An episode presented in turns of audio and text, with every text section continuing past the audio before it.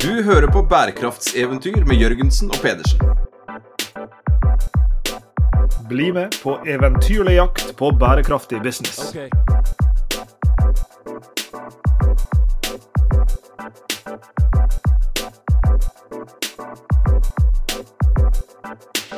I denne episoden av Bærekraftseventyr Sveinung, så skal vi eh, kanskje til og med bevege oss litt grann inn i det normative. Vi skal eh, gå tilbake igjen til noen spørsmål som, som jeg og du har hatt gleden av å, å, å, tenke på i mange år, selv om vi ikke jobber så veldig mye med dem lenger. Eh, og dette handler om eh, grenseoppgangen, eller er det kollisjonen, eller er det forsøket på å sette planetene i rekke? Jeg vet ikke helt, dette får vi, får vi se. Mellom etikk og økonomi. Eh, og for å grave oss ned i spørsmål knytta til, eh, til, det temaet, så har vi invitert en god venn og kollega, nemlig Joel Berge, som er postdoktor på vårt eh, institutt for regnskap, revisjon og rettsvitenskap på Norges handelshøyskole. Velkommen til oss, Joel.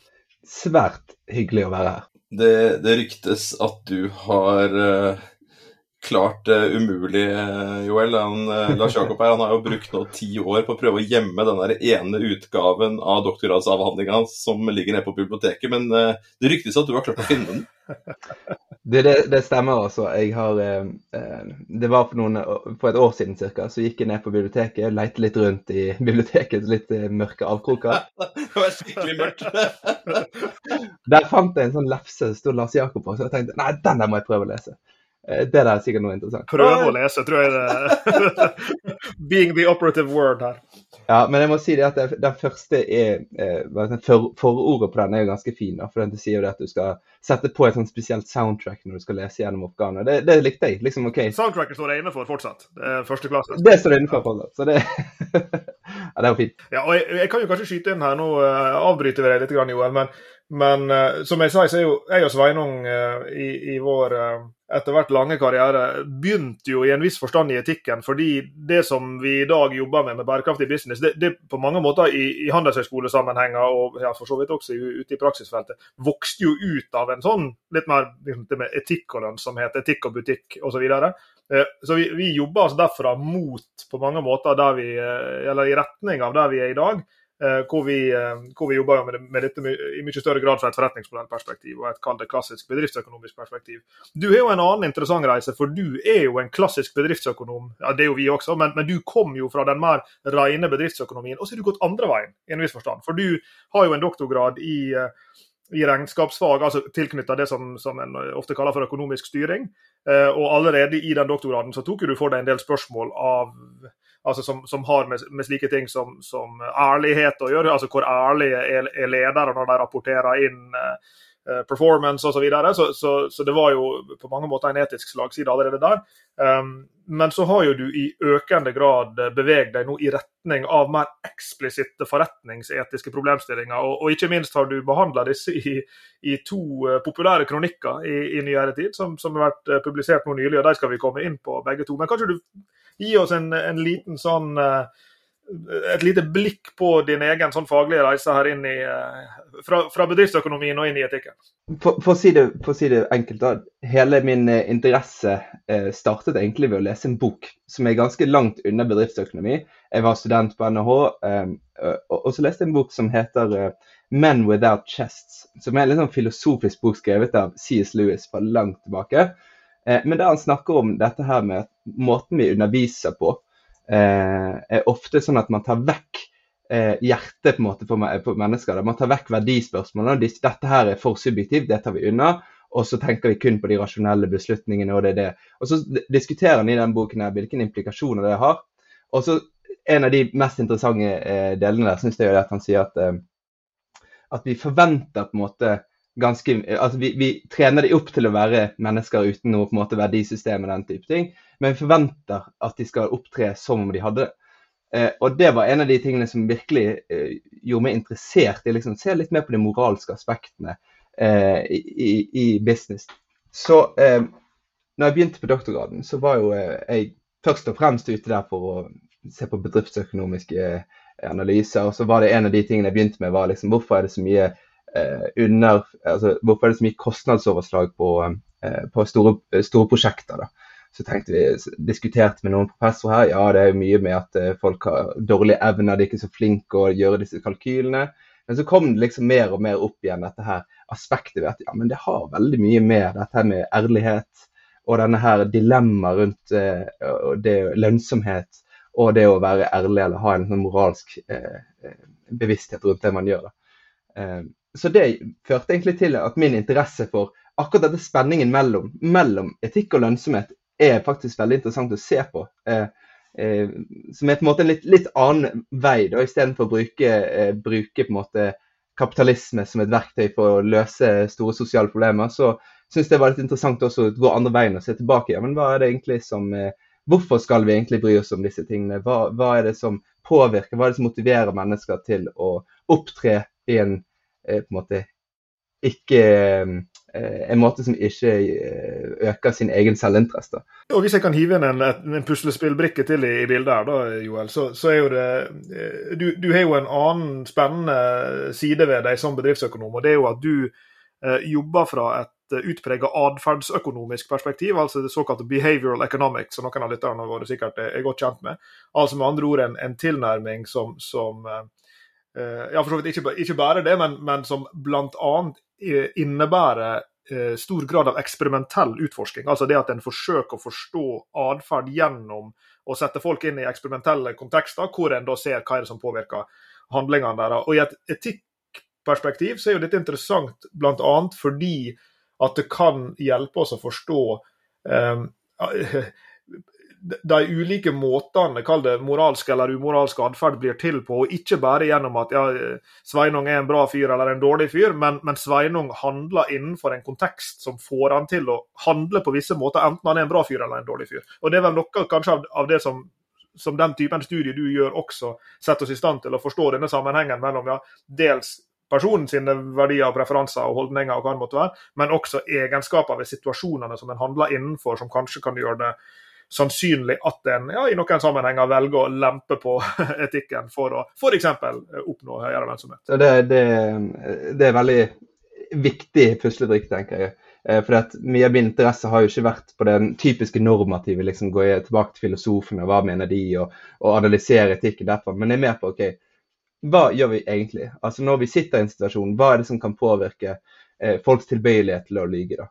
Hvis du setter penger på bordet, hvordan endrer det på en måte vurderingene folk gjør? Og, og, og hva er det som på en måte hindrer, hindrer eh, mennesker i å opptre moralsk, f.eks. Da. da har jo det vært eh, en av eh, disse eh, studiene gjort på doktorgrad, var jo da å se litt på denne her, hvordan vi, vi, på en måte tenker rundt etikk. Er det mer en sånn er det, eller Hvordan mennesker på en måte opptrer eh, når de Eller En av studiene som vi gjorde på doktorgraden, eh, ser jo egentlig litt mer eksplisitt på dette her. Eh, tenker vi på etikk som noe som begrenser oss, eller er det noe som, som vi ønsker å gjøre? Så setter vi egentlig lager en situasjon, en eksperimentell situasjon der folk kan innhente mer informasjon om situasjonen. Eh, og hva er det som eh, hvis du, Og denne informasjonen er jo gratis, eller det er enkelt å få tak i den. Så hva er det som stopper folk i å hente mer informasjon, som hjelper meg å forstå at OK, med denne informasjonen så kan jeg ta bedre etiske valg. da. Men så ser vi det at når det er en konflikt mellom egeninteresse og, eh, og den måte, det sosiale eh, outcome, for å si det sånn, da, for dårlig norsk, eh, så, så, begynner folk å, å spille, spille, litt med det. At man unngår informasjon for å kunne rettferdiggjøre det og være litt mer selvisk. Det, ja, det føles litt bedre. Det, det tyder på det, at vi ofte tenker på moral eller etikk som noe som begrenser oss, og noe som prøver å komme oss litt unna. Eh, og det tror jeg også sier mye om eh, hvordan, eh, hvordan etikk er ofte, altså implementeres i bedrifter. Det er lett å omforenes rundt måte et, et, et, seminar rundt ja, dette her er code of conduct, det er sånn vi ønsker å gjøre det. Men i situasjoner der måte, der pengene ligger på bordet, er, du merker at her er det en spenning, så er det lett å la etikken få spille andre fiolin fordi vi ønsker eh, den egeninteressen. Jeg blir nysgjerrig på eksperimentet. Helt sånn konkret, hvordan, hvordan setter, du opp, uh, setter, du opp, et sånt eksperiment for å røyke ut disse tingene? Jo, det er, det er jo det, det, krever jo eh, en del tenking, da. Men, men, akkurat på dette eksperimentet så satte vi opp det at vi hadde deltakere fra NHH som kom, eh, og så ble de matchet sammen. Så sa vi at en av, disse, en av, en av dere er da fått rollen som en supervisor eller en, en leder som skal overse noen prosjekter, mens den andre den er en prosjektleder. Og denne prosjektlederen han har en helt eh, unik tilgang til informasjon om et prosjekt, som han da skal rapportere til en, eh, sin leder. Da. Og det lederen ikke vet, er jo at, eh, at eh, altså, noen prosjekter kan være ganske ulønnsomme, og noen prosjekter er bra. Eh, og så mellom disse, altså ulike personer de får, eh, vi, vi, på en måte, ulike personer får tilgang til informasjon forskjellig. Så noen bare vet med en gang at hvordan prosjektet er. Er det lønnsomt eller er det ulønnsomt? Men du kan lyge om å si at det er lønnsomt, for da tjener du ganske mye penger på at dette prosjektet blir implementert. Så bare, OK, du lyver, får det implementert. Og så varierer vi da om, om har du all informasjon, eller har du litt, mangler du litt informasjon. Det å ikke hente inn den siste informasjonen gir det på en måte litt sånn der, et litt sånn moralsk eh, spillerom. da, Der man kan si jeg vet ikke helt at det er ulønnsomt, så vi kan jo sende den rapporten med å ikke hente inn all informasjon. Så varierer vi litt grann hvor vanskelig det er å få tak i den informasjonen. Eh, og så ser vi det at når informasjon begynner å bli litt, det er litt lettere å på en måte lage seg sånn narrativ at sånn, ja, det kan jo være at dette er positivt eller ikke, så, så ser vi at eh, folk tenderer å hoppe på på en måte halmstrå. da, sånn, ja, Det kan jo være at dette er lønnsomt, men, eh, men eh, så, så, vi bare kjører på med å, å, implementere det. Selv om det skaper en dårlig eh, lønnsomhet for bedriften i helhet, og det på en måte er jo en løgn, eh, sånn som vi har laget det. da. Ljuger alle, på en måte, eller er det noen som ikke ljuger? Og, og ser dere noe forskjell på hvem som ljuger og ikke ljuger, eller hva vet dere liksom rundt det, i konteksten? Ja, det her er jo et veldig eh, spennende spørsmål, egentlig. For det er mye forskning som sier at er, folk er jo veldig forskjellige med om de lyver eller ikke. Og noen sier jo det at ja, de som lyver, er, er, kun de som er sånn i midtsjiktet. Sånn her, OK. Eller at det er noen som alltid lyver, noen som er sånn ja, kan lyve hvis situasjonen tilsier det, og så er det noen som alltid er, er, er ærlige. da. Og, det er på en måte blitt det som har, har vært eh, rådende. da. Men det vi finner litt i denne, denne, dette studiet her, da, som jeg syns er litt interessant, det er det at vi, vi, på en måte varierer hvor vanskelig det er å få tak i denne informasjonen som vi snakket om. Og så ser vi at det er på en måte en grad av hvor lett det er å lage seg en sånn unnskyldning for å misrapportere eller for å lyge. da. Så ser vi det at de som driver effekten med og det at man lyver mer når det er på en måte mer lettere å unnskylde, det er ikke de som er, de som er på en måte lav i altså, Sier at de har en lav en moralsk eh, integritet. Det er ofte de som har rapportert selv at de er litt mer at jeg er en høy, moral er viktig for min selvfølelse, så når det er ganske tydelig at hvis jeg nå lyver, så, så sier de som er høy, moral, de sier ah, greit, da, da lyver jeg ikke. Da, da liksom step, uh, step, back. Men når det er lett, litt lettere å unnskylde seg, så, så, ser vi faktisk at de som, høy, de som rapporterer at de har høy moralsk integritet, det er de som nå endelig lar, slipper, slipper taket. Liksom. OK, nå kan jeg også være med. Og da ser vi at for, forskjellen mellom de som er høy og lav moral, de forsvinner når det er litt mer, mer eh, lettere å finne unnskyldninger. Det syns jeg er litt interessant, for det viser jo litt, i hvert fall min egen del, at vi er på, på en måte alle tilbøyelige til å opptre uh, umoralsk. At vi har en eller annen viss form for uh, inclination, for å si det sånn. da. Det ligger noe veldig spennende i det som du er inne på her, eh, Joel, som, som eh, Altså, jo, det er noen som kanskje i veldig direkte forstand er villig til å, til å gripe til løgn som verktøy når det trengs, på et vis.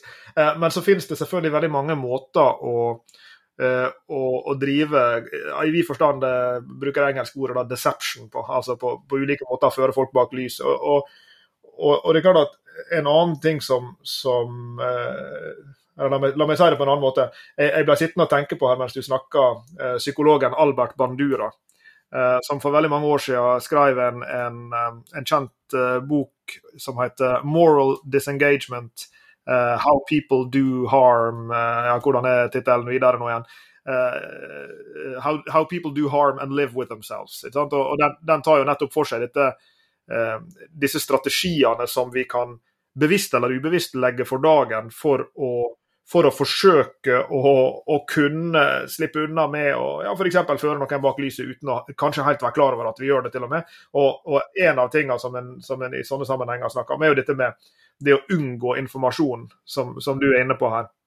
Eh, at det er klart at hvis, hvis, det ikke er sånn at jeg må få med meg den informasjonen som hvis jeg hadde visst det, så måtte jeg fortalt det videre. Ja, da, da, gjør vi det på en måte, da skaper vi et lite filter og vi lager en liten sånn avstand mellom oss sjøl og liksom ansvaret for å, å videreformidle. Og, og, og, Badura er jo inne på, på veldig mange ulike måter vi eller mek mekanismer da, for hvordan vi, vi kan, uh, kan, forsøke å liksom fjerne oss fra, fra, fra dette ansvaret. Så, så, um, så, her er jo mye kanskje ved kall det organisasjonslivet. da, for det er, det, det er, jo det, vi på en måte snakker om her. Vi, vi tar beslutninger innenfor, uh, innenfor, en organisatorisk kontekst. Og der er det jo mange slike mekanismer og mange slike muligheter vi har for å fjerne oss litt fra opplevelsen av at vi har et ansvar. Dette er jo litt, egentlig min litt sånn skjulte agenda med mye av det jeg har skrevet i DN og sånn så dette. da. Uh, for Jeg kaster meg litt inn i debatten som var pågående DN om liksom, hvordan skal vi undervise etikk og ansvarlighet i, i bedrifter, nei, på handelshøyskoler.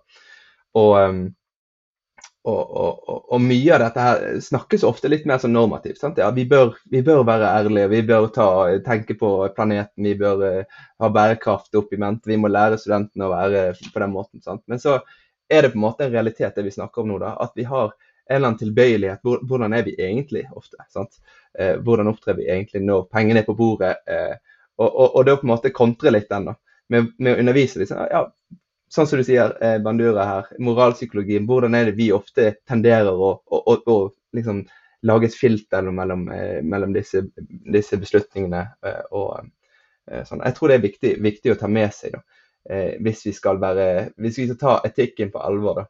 Men jeg vet jo det at etikk er jo en måte noe denne bærekraftseventyret òg har prøvd å hoppe litt bukk over. Det er liksom den det er litt sånn, Ja, det er fint, vi hopper litt videre. For det... Nei, men vet du, Kan jeg bare kommentere det? Fordi Jeg syns det er litt interessant. Eh, eh, det, det skjedd i økende grad, vil jeg si, i nyere tid, at også gjester på denne podkasten, men, men, ikke bare det, men også ledere, eh, som jeg og Sveinung treffer både i executive-sammenheng og, i andre sammenhenger hvor vi, hvor vi jobber med lederutvikling og, og, og andre typer aktivitet i, i skjæringsfeltet med, med næringslivet, at, at, disse lederne sjøl bringer opp det etiske perspektivet.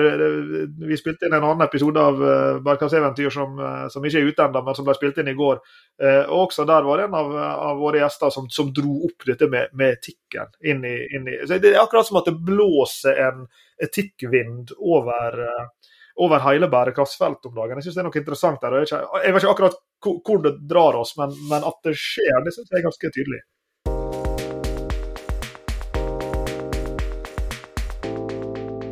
Men bare åpne Det er en veldig spennende boks å åpne. ikke sant? Alt det som kommer ut, er jo ikke ormer. Altså, altså, ja, men altså helt, helt seriøst, det er, viktig, det er jo viktig. og Vi har jo sånn overordna problemstillinger som diskuteres. Jeg så i Guardian i, i, dag så diskuteres det hvorvidt de pengene Norge nå tjener på, på olje og gass pga. krigen i Ukraina, var det så mye som 20 eh, 000 per person. Jeg vet ikke om det er per dag eller whatever. Det er så store tall allikevel at jeg klarer ikke å forholde meg til dem. Men er det er det, er det, riktig av Norge å beholde dem, eller burde de gått til noen andre? Eh, og, og det, vi står jo i de problemstillingene hele tiden. Altså, du, du, har jo et kurs på prising, Joel, og, og har jo forska litt på prising også, og gjort undersøkelser med studentene dine. Hva er riktig pris? ikke sant? Eh, vi har inflasjon om dagen, og jeg vet jo ikke om det er riktig pris på den osten jeg går og kjøper, eller velger å ikke kjøpe på, på, på butikken om dagen. ikke sant? Den, reflekterer den kostnadene, eller eh, reflekterer den at, at, eh, alt annet går jo opp, så da må osteprisen også gå opp, og jeg er villig til å betale, og jeg tenker ikke på det. ikke sant? Og så ønsker vi på en måte Og jeg tenker på etikken her. altså Det er, noe sånn, det er en, et, en etisk egoisme også. Altså sånn der, altså, å, å handle, Etikk det er så lett å tenke at det er bare det gode på et vis. ikke sant? Og det er bare å fordele, det er bare å gi. Men i hverdagen når jeg går og skal ha lønn, liksom, så tenker jeg jo ikke på nei, jeg burde ikke ha litt lavere lønn nå neste gang. Så håper jeg Joel får min del av kaka. ikke sant? Jeg går jo hele tiden og handler i en slags egeninteresse, samtidig som jeg er en del av et fellesskap. ikke sant? Og jeg tror liksom bedriften oppi dette her, privatpersonen oppi dette her, myndighetene eh, oppi dette her, de trenger liksom penger for å ikke bare liksom-penger. De trenger jo penger for å, å yte eh, tjenester, ikke sant. Eh, og så prøver man på ulike måter å få det til. Så litt den der etikken hos meg er ikke bare sånn Det blir så lett at liksom Og etikken er bare å fordele.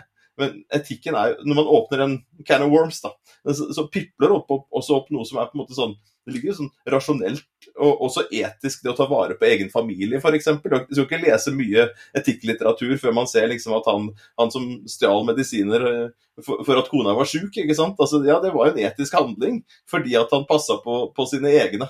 Eh, og nei, jeg har ikke svaret på alle disse tingene, men jeg syns det er kjempespennende. Og jeg syns også det er tøft og, herlig og modig gjort av deg, da, når du hiver deg utpå nå med to, to kronikker. Den ene da 'La oss snakke ærlig eh, om eh, etikk og, og butikk, og, og, den andre som du kaller handelshøyskoleeffekten. Ikke bare, Du kaller den ikke, det er en handelshøyskoleeffekt, eh, påstår du der, eh, basert på andres eh, forskning. Kan ikke du ta oss litt med inn i, inn i disse to kronikkene? Ja, og kanskje, hvis jeg kan få, få lov til å regissere litt, kanskje vi kan begynne med den, den første av disse to som ligger nærmest det vi snakker om nå, nemlig den som heter 'La oss snakke om, om etikk og butikk'. For der kommer jo du nettopp inn på disse spørsmålene som Sveinung er inne på. Du nevnte prising, Sveinung, og du bruker jo et eksempel der som du har eh, eksponert dine studenter for i strategiske lønnsomhetsanalyse, eh, som handler om legemiddelindustrien. Så, så, så, dra oss gjerne med inn i den først, og så skal vi bevege oss mot denne handelshøyskoleeffekten eh, litt senere i samtalen. Det er fint, eh, interessant eh, kommentar, Sveinung. Eh, jeg jeg tror, min, min, min, hypotese, bare sånn helt uh, bare kommentere det du sa i sted, da, med hvorfor det kom en, en vind av etikk eh, inn i bærekraftsfeltet, er jo at jeg tror eh, mange har litt sånn skepsis til at alt kan løses ved å bare si at ja, men over tid så vil det være lønnsomt. Vær bærekraftig, for over tid så blir det bedre. Det er jo en del, del situasjoner der man har på en måte bare har et problem at det er ulike interesser på, på spill, og man får et etisk spørsmål. Da blir det mer et etisk spørsmål. Eh, på en måte. Er der man ikke klarer å, å, å sammenfalle interessene eh, mellom de ulike aktørene.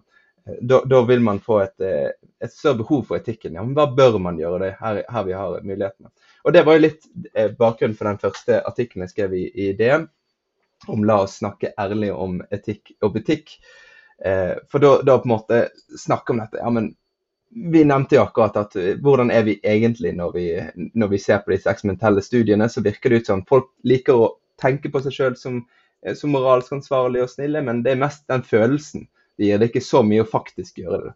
Eh, og, og det, det, er en utfordring. Og, og i kurset på NHH så har jo jeg eh, forsøkt å teste dette litt ut på, på studenter. Da. Vi, vi, eh, vi gir dem et case der de skal liksom OK, deres oppgave, oppgave her er å hjelpe en legemiddelindustri å bli mer lønnsom. Kurset heter strategiske lønnsomhetsanalyser. Eh, og spørsmålet er da, skal vi da kjøpe opp eh, en, eh, rettighetene til en medisin som er gammel, utpatentert, og det er et ganske lite marked for det. Men de som er avhengig av medisinen, er på en måte det er veldig viktig medisin. Um, så ser vi litt på lønnsomhetsanalysen av dette her, og, og finner egentlig at ja, de fleste lysene viser grønt. Eh, mye pga. særlovgivning i USA, der man ikke kan diskutere eller sette spørsmålstegn ved prisene som legemiddelindustrien eller, ja, som legemiddelindustrien eh, setter. Og, og, eh, Så spurte jeg litt ok, la, la, oss da si at vi kjøper her, denne her eh, medisinen. I, I, dag er den ganske billig. Eh, billig medisin som disse menneskene får tilgang til. da. Hva syns dere at hvis vi kjøper dette nå, hvor, hvor, hvor, mye skal vi sette opp prisen? Egentlig det som er spørsmålet. Hvor mye skal prisen settes opp? Ja, hva skal jeg si? Ja.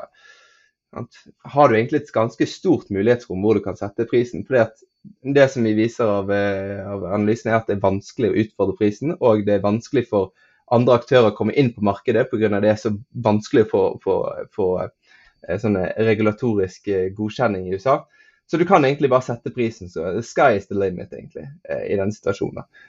Eh, det som denne, det, det som var litt dumt med denne jeg, eh, når jeg snakket med dette her i klassen, var at jeg ikke spurte eksplisitt hva pris vil dere satt. For jeg bare la de få snakke litt om, med hverandre. liksom, ja, hva synes dere? Ja, Så sa jeg heller at det dere ikke vet om denne casen, er faktisk et ekte case. Dette skjedde i virkeligheten. Og, og, det endte med at bedriften eh, kjøpte dette, denne medisinen og, og, satte opp prisen fra 14 dollar til 700 dollar per pille.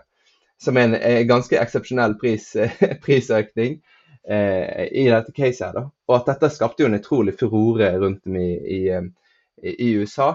Men det som viste seg, som var det interessante her, er jo egentlig at dette her er jo ikke noe som er bare sært på dette caset. Dette skjer overalt i USA.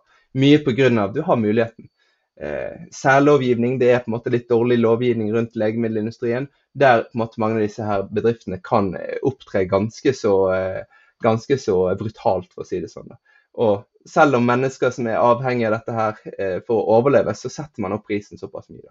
Så da er det et spørsmål etikken. Det er der etikken kommer inn. for Hvis du går gjennom lovligheten av det, så er det på en måte ingenting som stopper deg. Og hvis du tenker litt mer sånn langsiktig bærekraftsperspektiv, så kan man jo da si sånn ja, hvis man nå hadde satt prisen lavt og vært the good guy, så kunne vi kanskje fått et godt reputation over lang tid, men i realiteten er det, er det en ganske sånn vag eh, greie mot en ekstremt konkret profitt i øyeblikket. da. Du vet at dette her kommer vi til å tjene penger på, folk må ha dette, hva gjør vi? Eh, så, så der, i, i det, det, caset der er liksom konstruert litt for å bare illustrere viktigheten av etikk. da. Eh, fordi at jeg, jeg, tror jo veldig mye på den bærekraft, så at vi skal prøve å tenke eh, langsiktig, så er det godt å ta med seg disse etiske perspektivene, også fra et lønnsomhetsperspektiv. Men det er tilfeller der dette ikke er helt klart. Da. Der det er en ganske tydelig mismatch mellom det som er lønnsomt og det som er etisk riktig. Og så får du kanskje også fram det spesifikke caset, da, som du sier, som er jo et virkelig case. Nettopp disse egenskapene ved konteksten som er viktige. fordi vi, vi, vi vet jo at um, Og jeg og Sveinung er jo interessert i kall det innovasjonsresponsene som kommer på denne typen ting. Og I mange markeder så er jo det sånn at ja, hvis, hvis eh, eksisterende aktører holder prisen eh, kunstig høyt på en slik måte at kundene er, er misfornøyde, så, er jo det ofte en trigger for innovasjon. At noen klarer å, å komme med en uh, Du ser jo til og med sånne bottom of the pyramid-løsninger hvor en, en, lager virkelig virkelig affordable løsninger for, for de som er helt på bunnen av den økonomiske pyramiden, men, men også bare enkelt og greit innovere for å lage rimeligere versjoner av ting. Men når du har et patentsystem, så et, en regulatorisk ramme rundt et marked som, som her, da, uh, så er jo det da nettopp ikke mulig, og det går på bekostning av disse pasientene som har behov for, for, eh, for medisinen. Så det illustrerer jo på en måte en markedskontekst hvor da disse, disse etiske vurderingene her blir i en viss forstand ekstra viktige på et vis, fordi du ikke har den kalde samme handlingsrommet i, i et uh, innovasjonsperspektiv for å, for å kunne At markedet løser det sjøl, da. Ja, for det er jo det jeg tror er den litt sånn implisitte eh, antakelsen i, mye av dette her etikk, når man diskuterer etikk og bærekraft, er at ja, så lenge det er konkurranse, så vil man jo da måtte løse seg. At man finner noen som innoverer og finner en ny måte å gjøre det på.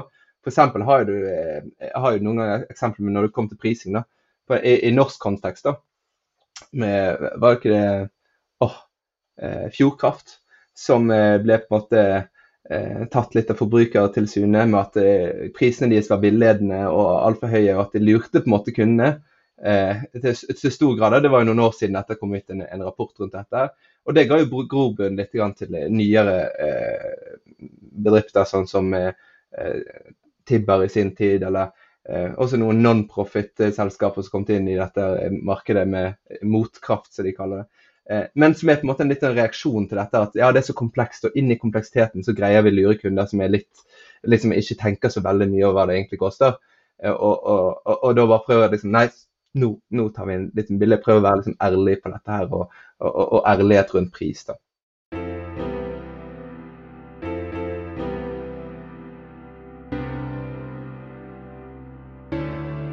Vi har er ikke så stort eh, behov for å forsvare meg, altså, men uh, vår, vår, måte å, å, jobbe med dette her på og har vært over tid Vi skrev jo i, i, sin tid 'ansvarlig og lønnsom'. Uh, og vi bruker konsekvent begrepet 'bærekraftig og lønnsomme forretningsmodeller'. Og, og, med det så mener vi argumenterer ofte for at, at bærekraft og lønnsomhet ikke er det samme.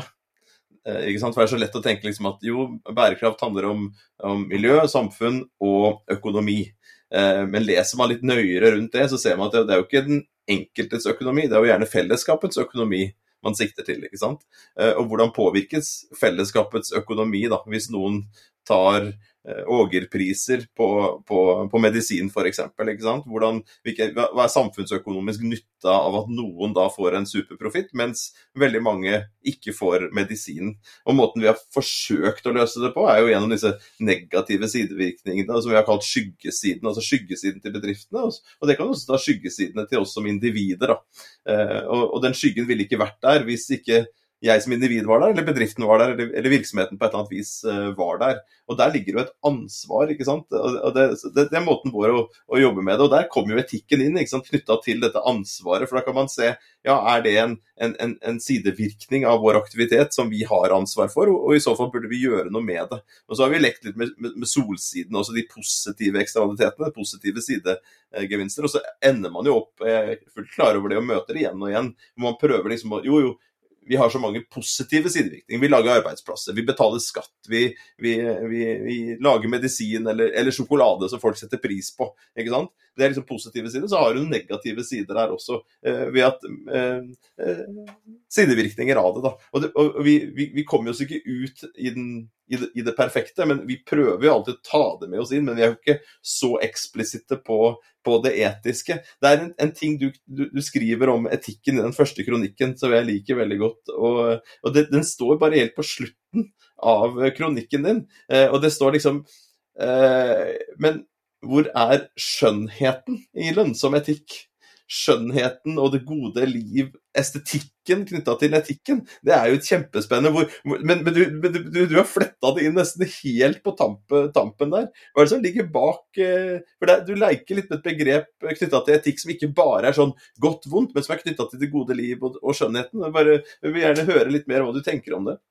Ja, det, jeg må også gi credit til uh, Kenneth Fjell, uh, for det var han som kom på akkurat det med skjønt. Hvor er skjønnheten i lønnsomhetikk? Uh, jeg syns jo det var, det var en fin, fin, fin, fin frasering. Men, men, det er absolutt noe med dette her at Jeg syns han Lars Erik Lund han skrev på rett før jul nå på LinkedIn en ganske lang, lang innlegg da, rundt dette. Hva er det vi måler? og hvordan på en måte, Hvis vi kun på en måte lar penger være i førersetet, og det eneste vi bryr oss om det skal måles i penger og, og, eller kroner og øre, eh, hva skjer med estetikken? på en måte? Hva skjer med etikken? Hva skjer med disse tingene som vi, som vi liker bare fordi at den har en egenverdi? Sant? Eh, det er ikke noe som er enkelt målbart. og det, Der tror jeg han fletter litt inn dette her med, med, med liksom hvis vi blir så fiksert på det som kan måles med kroner og øre, så er det noe som forsvinner i den, den prosessen. Det er sant, uh, dette her med, jeg, jeg, er jo veldig fan av uh, Disney. da. Så Jeg har alltid vært uh, liksom Disney er det viktig. Så når jeg har fått barn, så har jeg liksom lært de opp i Disney. fra liksom, og det er ikke sånn... derfor du fikk barn, egentlig. For å kunne bruke mer tid på Disney. ja, så, så, Og da går ikke vi liksom den nyere Disney, vi går tilbake til 30-tallet. Vi går gjennom 'Skjønnheten udyr', eller eh, 'Snøhvite' og alle disse her gamle greiene. Folk liksom får denne. Og en ting som Walt Disney sa eh, tidlig, var dette her at han sa at uh, We don't make uh, money to make Nei, vent litt, nå må jeg få den riktig. Um, uh, ja. En ting som Walt Disney sa, var jo um, We don't make movies to make money. We make money to make movies. Som jeg syns er en litt sånn stilig eh, Det går litt på dette purpose-greiene, men, men, men, men, det viser noe om dette her estetikken i det. At penger er på en måte litt mer sånn et biprodukt av at vi gjør noe riktig. At vi gjør noe som vi elsker å gjøre, det er noe som vi verdsetter. Eh, men når man snur på den og lar pengene være det som er det eneste man, man bryr seg om, ja, så kan du se litt til Disney i dagens eh, kontekst. Det er ikke alltid like, like mye bra som kommer ut. da. Men, men, jeg tror man mister noe av den estetikken. da. Eh, dette her, det øyet for det. da. Så, så derfor er det Eh, men i den artikkelen, når vi sier 'skjønt', hvor er, eh, hvor er skjønnheten lønnsom etikk, eh, så tror jeg det handler litt om en sånn, litt sånn gammel måte å tenke på etikk på. da.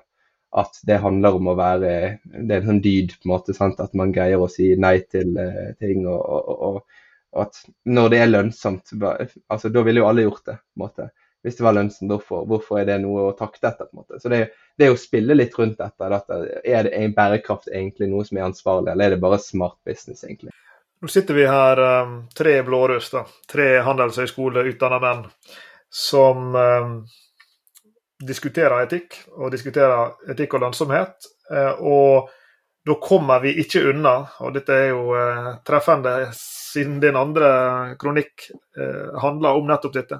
Vi kommer ikke unna spørsmålet om ja, hva er det eh, økonomiutdanning og kanskje spesifikt handelshøyskoleutdanning gjør med folk. Eh, og, og, eh, nå er nok jeg, og jeg tror du også er det, jeg så du, du var intervjua i, i, Krono i går, vi skal huske å linke til det i, i shownotes her, eh, om, om, denne kronikken. og Da var jo du inne på et veldig viktig poeng, nemlig at, ja, det har vel antageligvis endra seg over tid hva handelshøyskoler gjør med oss. Fordi Det har jo vært en, en lang lang, lang debatt, gått over mange mange tiår, rundt liksom, ja, hva er det som skjer med folk når du putter deg inn i en, en, eh, en handelshøyskole og de blir kverna gjennom og kommer ut på andre sida. Eh, kritikerne mener at dette her går jo helt gærent. En kommer ut og kun bryr seg om penger. og Hadde Walt Disney gått på Handelshøyskolen, jeg vet ikke han gjorde det, så hadde han sikkert kommet ut og sagt at uh, we make movies to make money.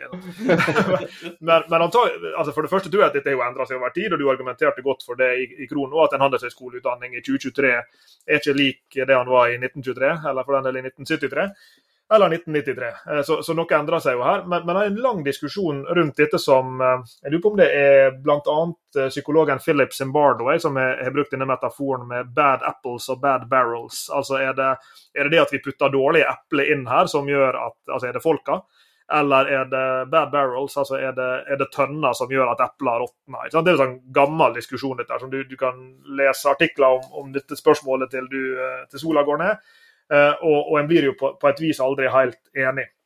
Eh, men så er det kommet en nylig eh, forskningsstudie i såkalte NBER, National Bureau of Economic Research i, i USA, eh, forfatta av tre, tre forskere, eh, leda av den ekstremt produktive forskeren Daron Asemoglu, som, eh, som, mange sikkert kjenner til. Og, og, Denne studien heter 'Eclipse of Rent Sharing The Effects of Managers Business Education on Wages and Labor Share in the, in the US and Denmark'. Altså med andre ord, Det er en studie av effekten av økonomiutdanning eller businessutdanning på eh, eh hvordan ledere i henholdsvis USA og Danmark eh, behandler sine ansatte om vi skal si det på den måten, med henblikk på hvordan de avlønner dem. Eh, og i din lesning av denne kronikken så, eh, så er han nok en litt Nei, av denne studien, unnskyld. Eh, så er han nok en litt nedslående innsikt som du diskuterer i denne kronikken sammen med Kenneth Fjell. Det, det stemmer. Altså, for det er jo en, det er et stort spørsmål, og jeg vet vi har gjort noe forskning på dette på NHH også. Der, prøvde, der man prøvde å gjøre noen sånne eh, tester for hvor eh, hvor snille folk var med hverandre i begynnelsen av året, og så sammenlignet det med de som var i femte kullet når du var ferdig, liksom. Har det endret seg? men, men, da husker jeg at de fant ingenting. Da, da fant de ingen forskjell mellom det. Og det er jo gjort nå i nyere tider. Men dette her, dette her er litt annen type eh, dyrt måte av, av, forskning, for dette her går jo inn i ekte datamateriale som eh, har blitt generert i, i, både USA og i Danmark, og ser på det og effekten. Og de prøver å røyke ut effekten av det å ha en, ha en leder som har en handelshøyskolebakgrunn versus en leder med en annen type bakgrunn. Og det de finner at Effekten av å ha en leder med en handelshøyskolebakgrunn er at eh, lønnen løn til de ansatte går ned, mens lønnsomheten går opp. på en måte. Eh, så det ser da ut som det er en omfordeling av verdiskapningen. Så, så at disse de med handelshøyskolebakgrunn ser ut til å, sånn som Krono skriver, da, eh, opptre litt som eh, sheriffen av Nottingham. liksom Ta for de fattige og gi til de rike, eh, istedenfor Robin Hood, da, som er motsatt. da. Som det er på en måte, det, det, det, er eierens mann på en måte som prøver å tyne ut bedriften for å gi mest mulig til eierne. Eh, og, og, dette her er jo, Det som er interessant med den studien også, er jo det at de finner ingen effekt på produktivitet det som vi skulle håpet. Sant? At paien blir større, eh, økonomene er gode på å se muligheter og, og, og effektivisere, og at eh, verdiskapningen blir større eller produktiviteten blir større. Men Det finner de ikke belegg for, men kun en omfordelingseffekt. Og det er jo en, det er jo, Akkurat den um, konklusjonen der er jo litt trist lesning. Sant? Men som sagt, eller som, du sa, Lars Jakob, at dette her baserer seg på uh, toppledere i de siste eh, 10-20 sånn år tilbake. Og, og, de har jo ikke vært eksponert for en litt mer moderne handelshøyskole der vi diskuterer sånne ting som vi diskuterer nå. da, Der det har vært mer basert på denne her, den vi kaller det er litt teknisk begrep, sånn neoklassisk eller sånn neoklassisk eh, økonomisk teori. Da, der at mennesker eh, tenker kun som individuelt, og individuelt så skal de eh, maksimere sin sin profitt, gitt disse constraints. Så er det på en måte bare mer en sånn matematisk øvelse av å optimere profitten for seg selv og for bedriftene. Eh, og, og, og det, det, er jo en Det som er interessant med dette, er jo at jeg eh, vet ikke om dere har fått med dere i radio, eh, nei, i Freakonomics har nettopp hatt en lengre serie på, på Adam Smith. Liksom, hvem var egentlig Adam Smith? Han blir, brukes jo ofte som sånn som grunnlag for sånn, mer som den type at liksom, Så lenge du bare gjør det du ønsker, act on your self-interest, så, så, vil noe godt komme ut av det etter hvert. Da. Det er den usynlige hånden som styrer. Sant? Så lenge vi bare er på en måte, individuelt bare bryr oss om oss selv, så vil det kollektivt ha det ganske fint. Eh, egentlig så er det litt sånn som de kommer fram i denne podkasten, at det er jo egentlig ikke helt det Adam Smith eh, egentlig sa. For han har jo en sånn, litt sånn tosidighet. At han var en moralfilosof med den første boken han skrev. Så hadde han denne her Wealth of Nations, som er litt annen type karakter. Eh, men at, men at eh, eh, men det har på en måte blitt brukt i en sånn måte til liksom si at nei, vet du hva, vi, vi, kan på en måte tillate oss å ha en økonomiutdannelse tidligere da, som er liksom litt amoralsk. da. Vi tenker ikke på noe av disse etiske spørsmålene, vi skal kun optimere. Så lenge vi gjør det, så vil på en eller annen magisk måte alle disse etikkproblemene løse seg litt sånn fordi at når vi aggregerer alle de individuelle som bare bryr seg om seg selv, så, så vil vi på en måte kollektivt komme bedre ut av det. Ja, det er jo litt, litt det sånn Friedman-doktrinen eh, går ut på også. At, uh, at, så lenge vi bare opptrer selvisk, så, så, så, blir det bra. da. At det er på en måte en tydelig rollefordeling. Men, men, det kommer jo mer og mer fram at det, det er ikke helt eh, eh, altså Det er ikke helt belegg for det i dagens samfunn. fordi at vi ser oi, plutselig så var det en del altså, Det er ikke uendelig med ressurser. Vi har faktisk en påvirkning på miljøet. Eh, og en del, sånn som vi snakket om i USA, da, det er ikke alltid det er et free market eller at det er konkurranse som vil eh, ta vekk alle disse problemene. Man får disse problemene. Eh, så, så, så, dette er jo viktige ting å ta med seg i en moderne eh, handelshøyskoleutdanning. At det er ikke så lett som å bare si at det der løser seg selv, og så bare, vi bare gjør på en måte vår lille uh, maksimering her, så vil disse store problemene med bærekraft og og, og, og eller bærekraft og etikk løse seg av seg selv.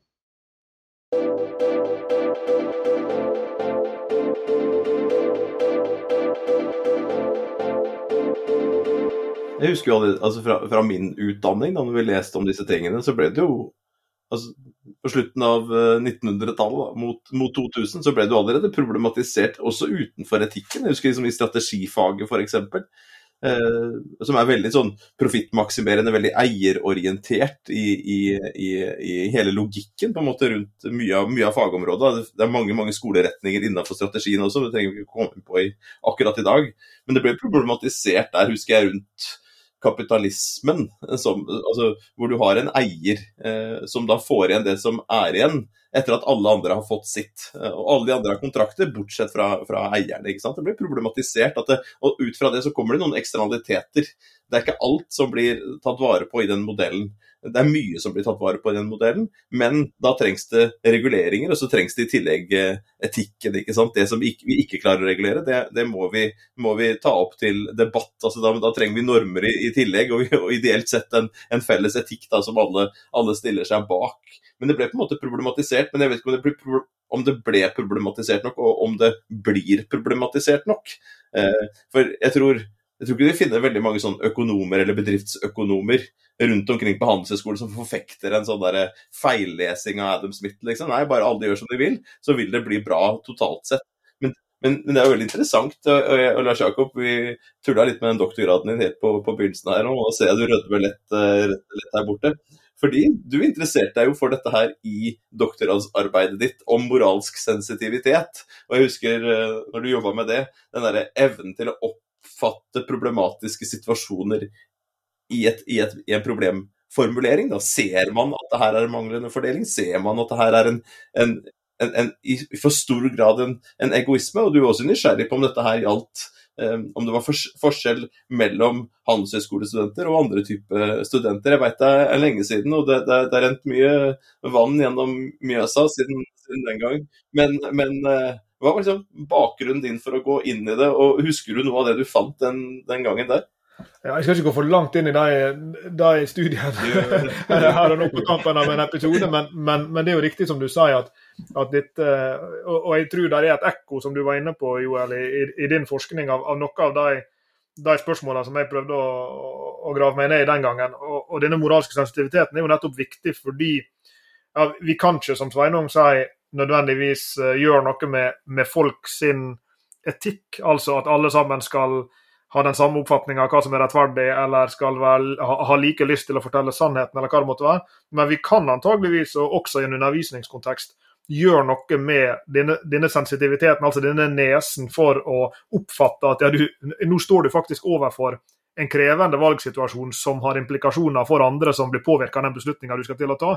Eh, og i lederutdanning, som, som vi driver med, så er jo det kanskje nesten enda viktigere enn i, i mange andre uh, utdanningskontekster. og Det er jo derfor jeg blir så oppløfta av, av din, uh, din, forskning på nettopp dette som vi var inne på i stad. Disse faktorene som, som, påvirker hvorvidt folk in the first place liksom ser at dette er et problem, og så også kanskje også hvordan de, hvordan de formulerer og, og, og, oppfatter problemet, som vi vet fører til eh, at de handler på den ene eller andre måten. For det er jo noe av det som, som forskninga mi på disse temaene her for mange mange år siden eh, tok for seg, var jo hvordan liksom, oppfatninga di av problemet i neste omgang påvirker hvordan du angriper problemet og, og forsøker å løse det. Og Det er vel kanskje et av, et av stedene der vi i, i Handelshøyskole sammenheng har kommet lengst. Vi blitt, eller, altså, der vi har fått til mest i løpet av de åra vi har oppholdt oss på Handelshøyskolen.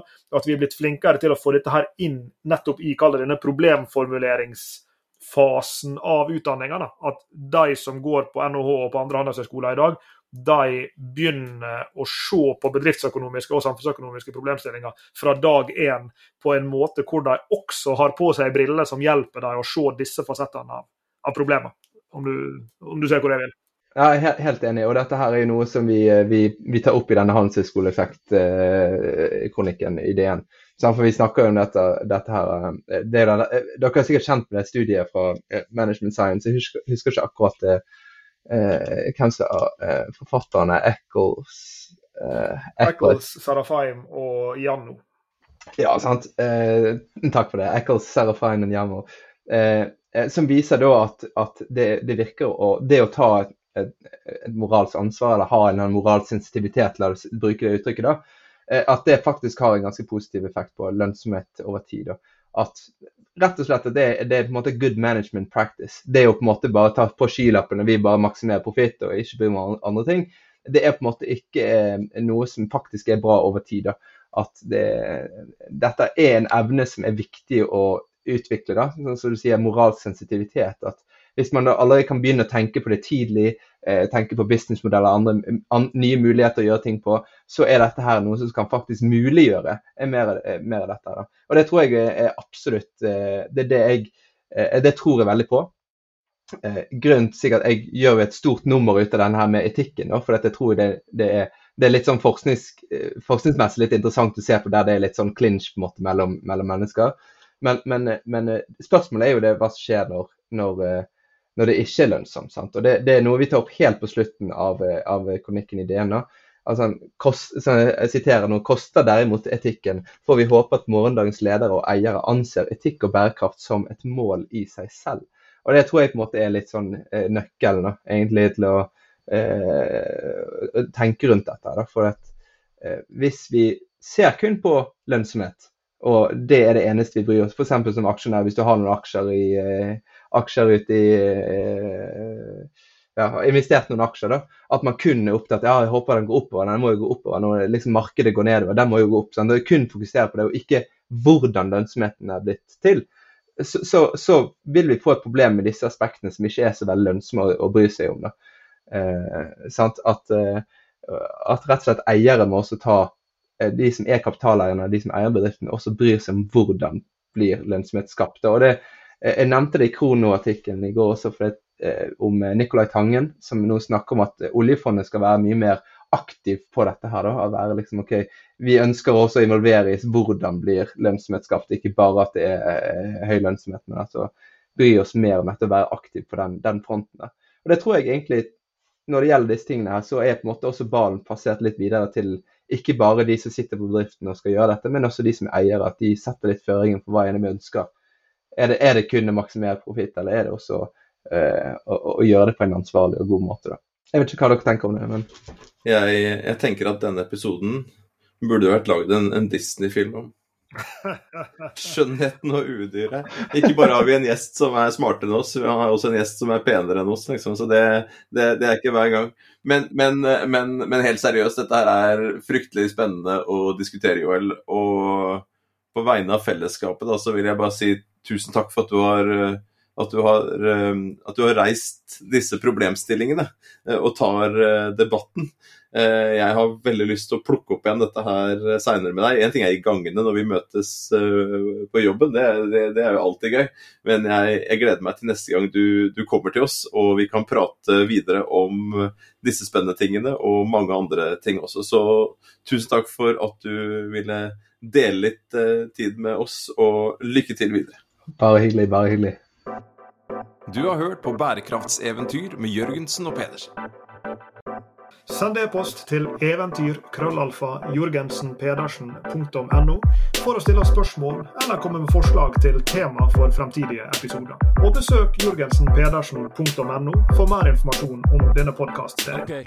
Derfra kan du også fortsette samtalen med oss i sosiale medier på Twitter, Facebook, LinkedIn, YouTube og andre steder.